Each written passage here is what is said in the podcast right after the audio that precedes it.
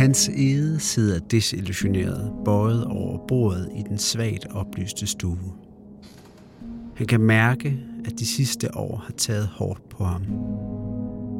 Den forbandede sygdom, som har havet kolonien, har frataget ham alt.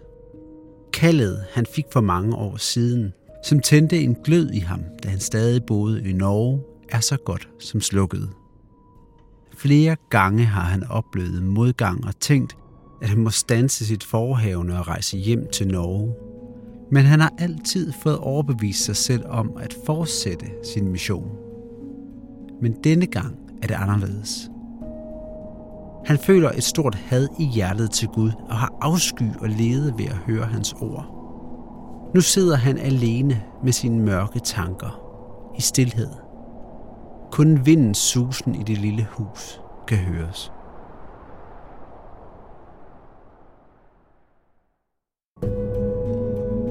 Lige nu befinder vi os i en pandemi, som på alle tænkelige måder har ændret vores liv.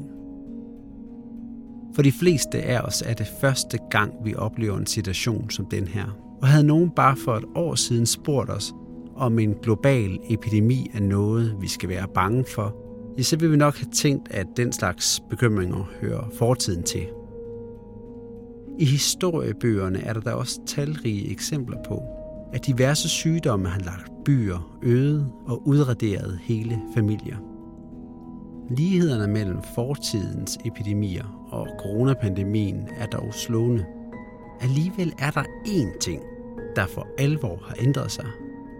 Dengang ramte epidemierne meget hårdere, end de gør i dag.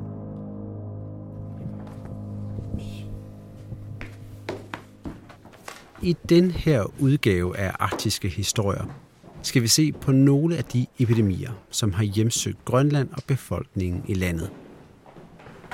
Helt konkret fokuserer vi på koppeepidemien i 1733-34, der er en af de mest ødelæggende epidemier, landet har oplevet. Vi zoomer også ind på tuberkulose, der frem til 1950'erne stod bag hver tredje dødsfald i Grønland. Til at gøre os alle sammen klogere, har jeg allieret mig med Jørgen Trondhjem, der er arkivchef på Arktisk Institut. Er det lige at finde de rigtige frem?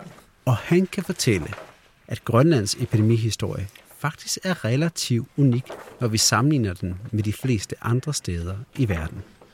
Grønland er en ø, sådan isoleret, øh, og det betyder, at øh, de store epidemier, som man har set rundt i Europa, har stort set ikke været eksisterende i Grønland, medmindre de er kommet som små input udefra, og så har fået lov til at eksplodere. Øh, og man kan sige, at den eneste, der sådan har kunne være der på forhånd, og har sådan set været der før kolonitiden også, det har været tuberkulosen. Øh, men dem vi ellers har kendt som pesten og tyfus og alle de store epidemier, vi kender fra Danmark og Europa, øh, de har ikke været eksisterende i Grønland. Øh, og det betød for eksempel også, at man øh, under 2. verdenskrig var pludselig, der skulle komme mange soldater, de amerikanske soldater, øh, da Kaufmann gav dem ligesom lov til at komme til Grønland og blive en del af, af samfundet på den måde. Der øh, blev man meget betænkelig i Grønland, og specielt øh, for eksempel en læge, Saxtorp, som var, hvad siger, havde en, nærmest fik en stab som slags landslæge på det tidspunkt, øh, advarede i et stor skrivelse til Kaufmann om faren for sygdommen. Indtil da, der skulle man simpelthen, når der kom et skib til landet, så skulle besætningen inden de overhovedet afrejste fra Danmark, eller Island, hvis de kom derfra, have en blank lægetest, sen mindst tre dage gammel. Og lægen ombord på skibet skulle også godkende dem, inden de fik lov til at gå i land, at de stadigvæk var raske. Men det var man bange for med de lange soldater, der kom, at det faktisk ikke kunne overholdes. Fordi Grønland er så isoleret fra omverdenen, går landet ofte fri fra de epidemier, som rammer andre steder. Det er kun, når et skib fra den fremmede verden kaster anker, og besætningen har kontakt med den lokale befolkning, at der er en risiko for, at sygdommene kan sprede sig. Den risiko den stiger drastisk, da den norskfødte missionær Hans Ede kommer til Grønland i 1721 og genetablerer kontakten mellem Danmark og Grønland. Som Jørgen Trondhjem han siger, er man fuldt ud bevidst om, at de skibe, der sejler mellem Grønland og Danmark, kan føre smitte med sig. Derfor har man, fuldstændig som i dag, forskellige restriktioner, der skal sikre, at ingen besætningsmedlemmer bringer sygdomme med sig til Grønland, hvor de kan få fatale konsekvenser for inuiterne, hvis immunforsvar slet ikke kender til de her europæiske sygdomme. Alligevel så udbryder der kun få år efter hans edes ankomst en koppeepidemi. Ja, kopperne kommer jo op øh, i virkeligheden ganske få år efter, at øh, hans ede øh, er kommet op som og startede, hvad skal man sige, missionen og dermed også kolonitiden for 11 år i Grønland i 1721. Og nogle få år efter, der øh, er en guvernør Pars, som var med deroppe. Han rejser tilbage til Danmark og har nogle, øh, øh, tager nogle grønlændere med, eller nogle grønlændere tager med ham ned. Og øh, nogle få af de grønlændere, de kommer faktisk tilbage igen. Og de har så kopper med sig. Og de kommer til øh, Nukområdet, og i løbet af ganske kort tid, så spreder øh, epidemien sig simpelthen med kopper rundt i hele øh, Goddersfjorden. Og det ender faktisk med, at i løbet af forholdsvis kort tid, der er, skønner man 80-90 procent af befolkningen i hele øh, Goddersområdet. Omkring 18-1600 mennesker skønnes det, er simpelthen døde af kopepidemien. Men den holdes faktisk rimelig isoleret i Nuuk-området, eller Goddersfjorden. Øh, og det lykkes faktisk at undgå at få den spredt ud på hele kysten. For ellers kunne man jo stort set forestille sig, at ja, den grønne befolkning var blevet nærmest udslettet af sådan en epidemi. Men øh, man kan sige igen, fordi at man i Grønland lever ret isoleret, man kan sige, at Grønland som sådan er isoleret, men altså også hver bosted eller boområde er isoleret i forhold til de andre. Så på den måde kan man faktisk hvad man sige, holde øh, epidemierne isoleret i, i begrænsede områder. Det lyder måske umiddelbart ikke af meget, når vi siger, at der under koppeepidemien dør mellem 1600 og 1800 mennesker i Grønland. Men vi taler altså om en periode, hvor der kun bor omkring 5-6.000 mennesker i hele landet. Overfører man tallene til i dag, ja, så svarer dødstallet til, at coronapandemien koster mere end halvanden million menneskeliv alene i Danmark. Der er altså tale om en katastrofe, som det er fuldstændig umuligt at begribe omfanget af. Men hvad er det egentlig for en sygdom, der kan slå så mange mennesker ihjel? Kopper forårsages af infektion med variola-virus.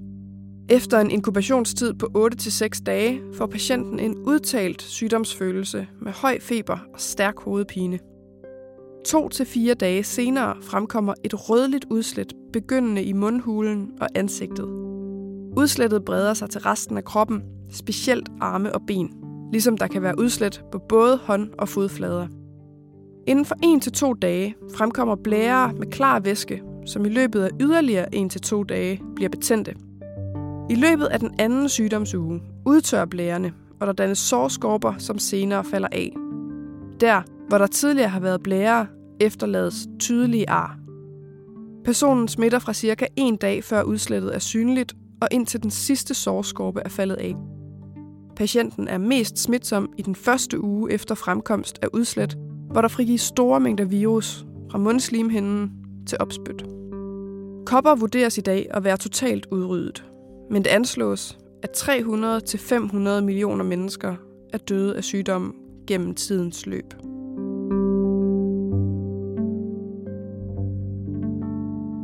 Hans Ede oplever epidemiens haven på allernærmeste hånd. Han bliver ikke selv ramt af kopper, men sygdommen får alligevel store personlige konsekvenser for hans æde og hans mission om at kristne det grønlandske folk. I hans dagbog skriver han, Hvad elendighed vi i al den tid så på disse arme mennesker, er ikke til at beskrive. Ej heller den møje og det ubehag, vi havde af så mange syge mennesker. De fleste lå syge i min egen stue, og blev af mig selv og mine plejet i deres sygdom. Ti end ikke hvor folk og matroser ville lide den stank, som den urene sygdom førte med sig. Vi havde den hele vinter ikke haft ro for dem, hverken dag eller nat, Ja, mange gange, når de om natten døde, måtte jeg for ikke at blive forgiftet af slem lugt og stank, stå op af min seng og selv slæbe den døde ud og lægge ham i forstuen, indtil om morgenen, at han af folkene kunne blive båret bort og begravet. Arbejdet med at pleje de syge er så hårdt, at det ender med at koste hans Edes kone Gertrud Rask livet og nedbryde ham selv, både fysisk og psykisk. Men det viser også en ny side af præsten. Man har nogle gange indtryk af, at han måske blev lidt mere menneskelig over for grønlænderne oven på den oplevelse. Øh, havde mere, jeg ved ikke om man kan kalde det humanistisk syn, men mere menneskelig syn på, på grønlænderne, og ikke kun et religiøst tilgang til dem efter øh, kopperepidemien. Altså, jeg synes jo personligt, at det er ret interessant. Altså, i, i den her tid, hvor vi jo i år har diskuteret, hvorvidt øh, hans edestatuen i Nuuk skulle smides i, i havet, eller skulle sættes ind på et museum, så er det ret interessant at få den her side af hans ede med. Ja, det må man jo sige, fordi der findes ikke læger, der findes ikke noget sundhedspersonale på det her tidspunkt.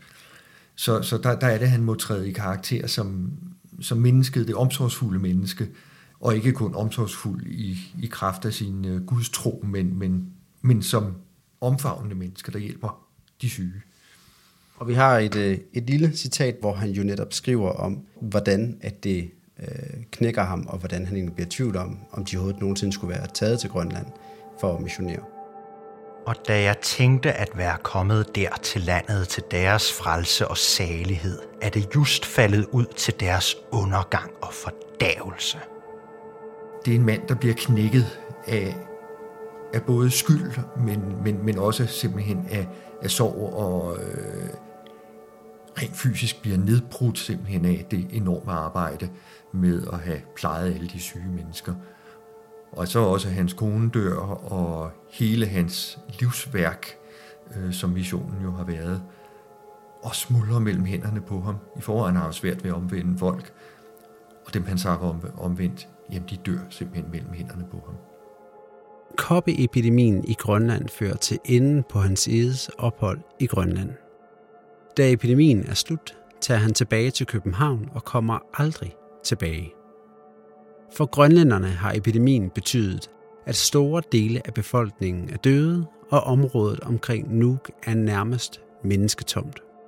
Havde epidemien spredt sig til større dele af landet, er det uhyggeligt at tænke på, hvilke konsekvenser den vil have haft for befolkningen.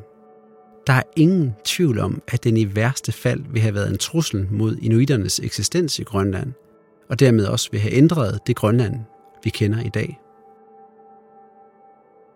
Mens koppeepidemien sneg sig med som blind passager på et skib fra Danmark, forholder det sig helt anderledes med tuberkulose. Den bringer inuiterne nemlig selv med sig til Grønland. Så lige så længe som der har været inuiter i Grønland, lige så længe har der også været tuberkulose. Sygdommen er så stort et samfundsproblem i Grønland, at den helt frem til 1950'erne var skyld i cirka en tredjedel af samtlige dødsfald. Derfor har tuberkulose også sat sin tydelige spor i landet.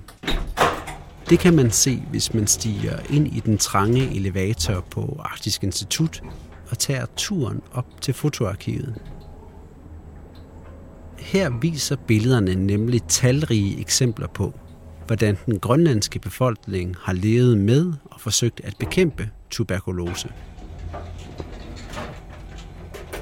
Inden vi skal tale om billederne, skal vi dog lige høre, hvad tuberkulose egentlig er.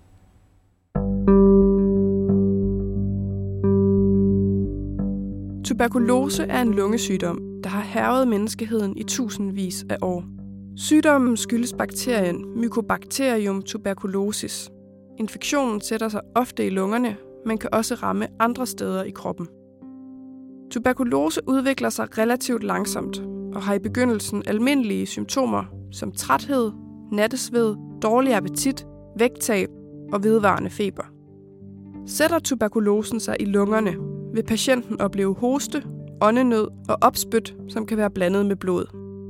Smitten overføres ved, at man indånder luft, der indeholder opspyt fra en smitsom patient.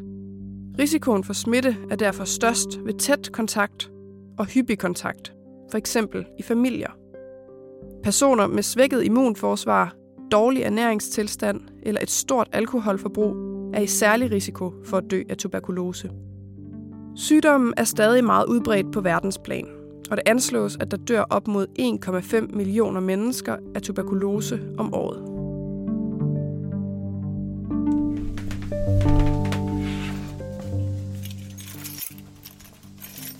Ja, så er vi gået op i øh, Arktisk Instituts øh, fotoarkiv. Derfor der er lidt sus i baggrunden, fordi det skal være lidt køligt her. Og øh, grund til, at vi er gået herop, det er, fordi vi har i vores store historiske film, eller fotosamling her, har vi en øh, stribe billeder af, øh, som relaterer sig til tuberkulosen. Både behandlingen, øh, hvad skal man sige, den sygdomsforbyggelse, man har prøvet at lave, øh, og så øh, vaccinationen, som senere kommer også. Indtil 2. verdenskrig, der kunne man ikke rigtig i virkeligheden behandle ret meget på tuberkulose.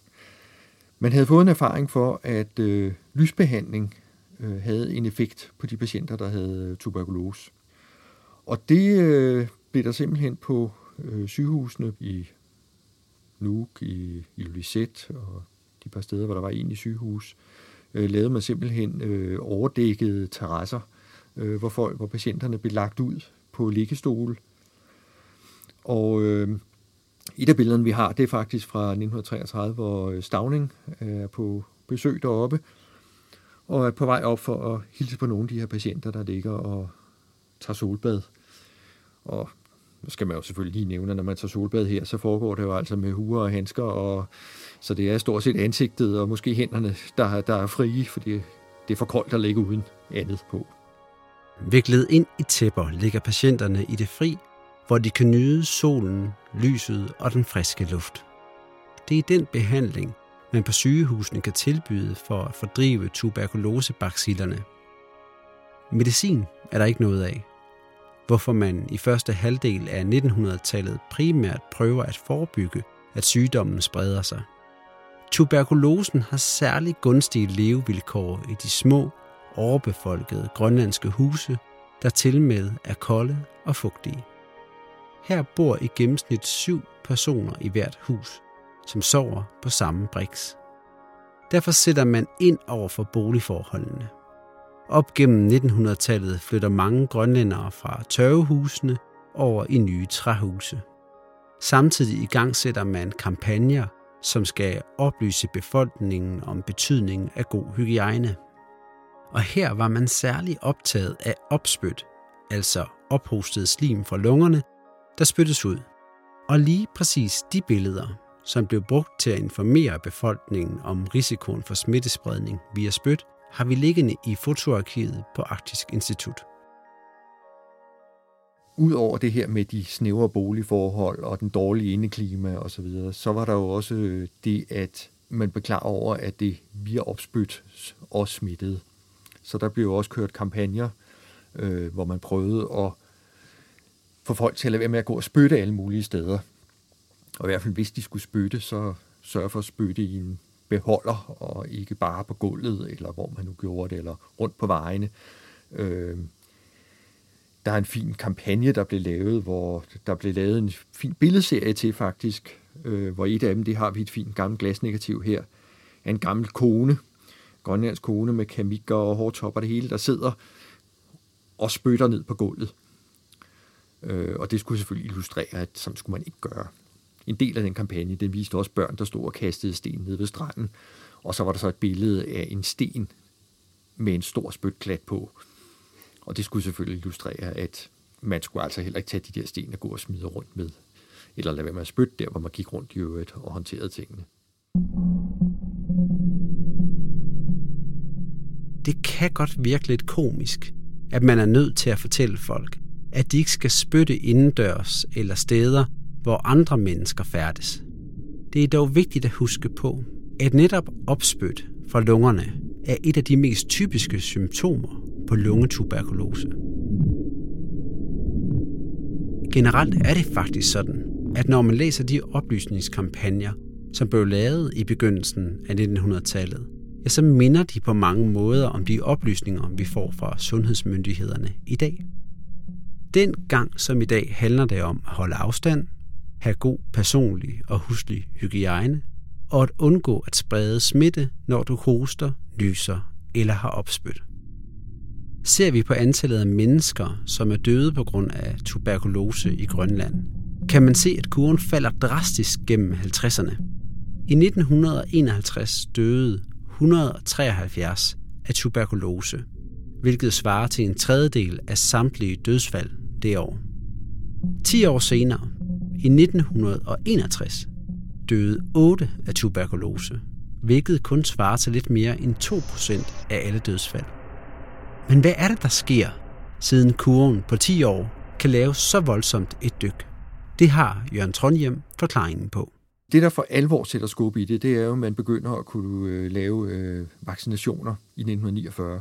Øh, og det er faktisk samtidig med, at man begynder i Danmark også. Der begynder man også i Grønland at lave massevaccinationer. Det er det, man kalder kalmettevaccinationen.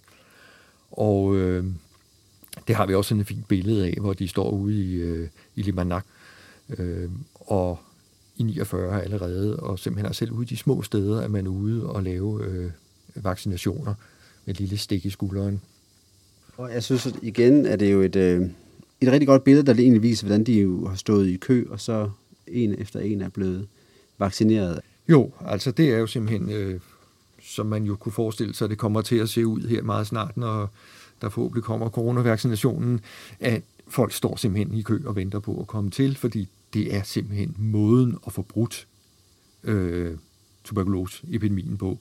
Og samtidig med, øh, med vaccinationerne, stort set på samme tid, det er jo også her, man begynder at få noget antibiotika, som faktisk virker mod tuberkulosen. Så altså måde, man kan forebygge, men man kan faktisk også begynde lige pludselig reelt at helbrede folk, der har været syge af deres tuberkulose. Udover, at man begynder i start 50'erne jo at få hele moderniseringsprocessen med bedre boliger som en af elementerne, at der så kan være problemer med den nye boligform med de store blokke osv., men, men i hvert fald har det jo været med til at bryde øh, noget af det tætte boligmønster også. Og så får man jo et, øh, begynder man også at udvikle et sundhedsvæsen for alvor øh, efter 2. verdenskrig med, øh, med, med meget bedre sygehus, og ikke mindst øh, får man bygget øh, Dronningens Hospital, øh, det der bliver kaldt SANA, fordi sanatoriet øh, i, i Nuuk. Og samtidig, der får man så øh, indsat et øh, røntgenskib, Missidut, som øh, simpelthen sejler op og ned langs kysten for at få klarlagt helt, hvor mange har faktisk lungetuberkulose. Og kombinationen, hvad skal man sige, af vaccination, bedre boligforhold, bedre sundhedsvæsen til, der kan håndtere de her ting, bedre undersøgelser med røntgenskibet, hvor man virkelig får lavet en stor screening, det gør, at man faktisk op i starten af 60'erne har fået knækket kurven for alvor. Og tuberkulosen er ikke den her store, alt ødelæggende øh, sygdom for det grønlandske samfund. For indtil da, der var det jo simpelthen det, folk døde af langt hen ad vejen. Grunden til, at vi har valgt at lave det her program, det hænger jo uløseligt tæt sammen med, at vi jo selv lige nu står i en øh, pandemi faktisk med corona. Hvordan har man egentlig håndteret corona? Ja, man kan sige jo, med de erfaringer, man jo i virkeligheden har haft i Grønland gennem 300 år, nemlig med at isolere sig. Man kan sige, at man har et rimelig velfungerende sundhedsvæsen i dag, men som jo alt andet i Grønland, meget småt. Man siger jo cirka fire respiratorer eller fire intensive pladser simpelthen i Grønland, øh, og lokaliseret i Nuuk. Så det, det igen, det er det små, det er det koncentrerede, og for simpelthen at ikke at risikere at blive rent over ind, så har man simpelthen gennemført en meget kraftig isolationspolitik. Så ja, langt hen ad vejen, så har man jo simpelthen kunne i virkeligheden gøre, som man altid har gjort i Grønland, når man havde epidemier, eller når der stod en fare for en sygdom, der kunne komme udefra, og som man ikke kunne håndtere internt.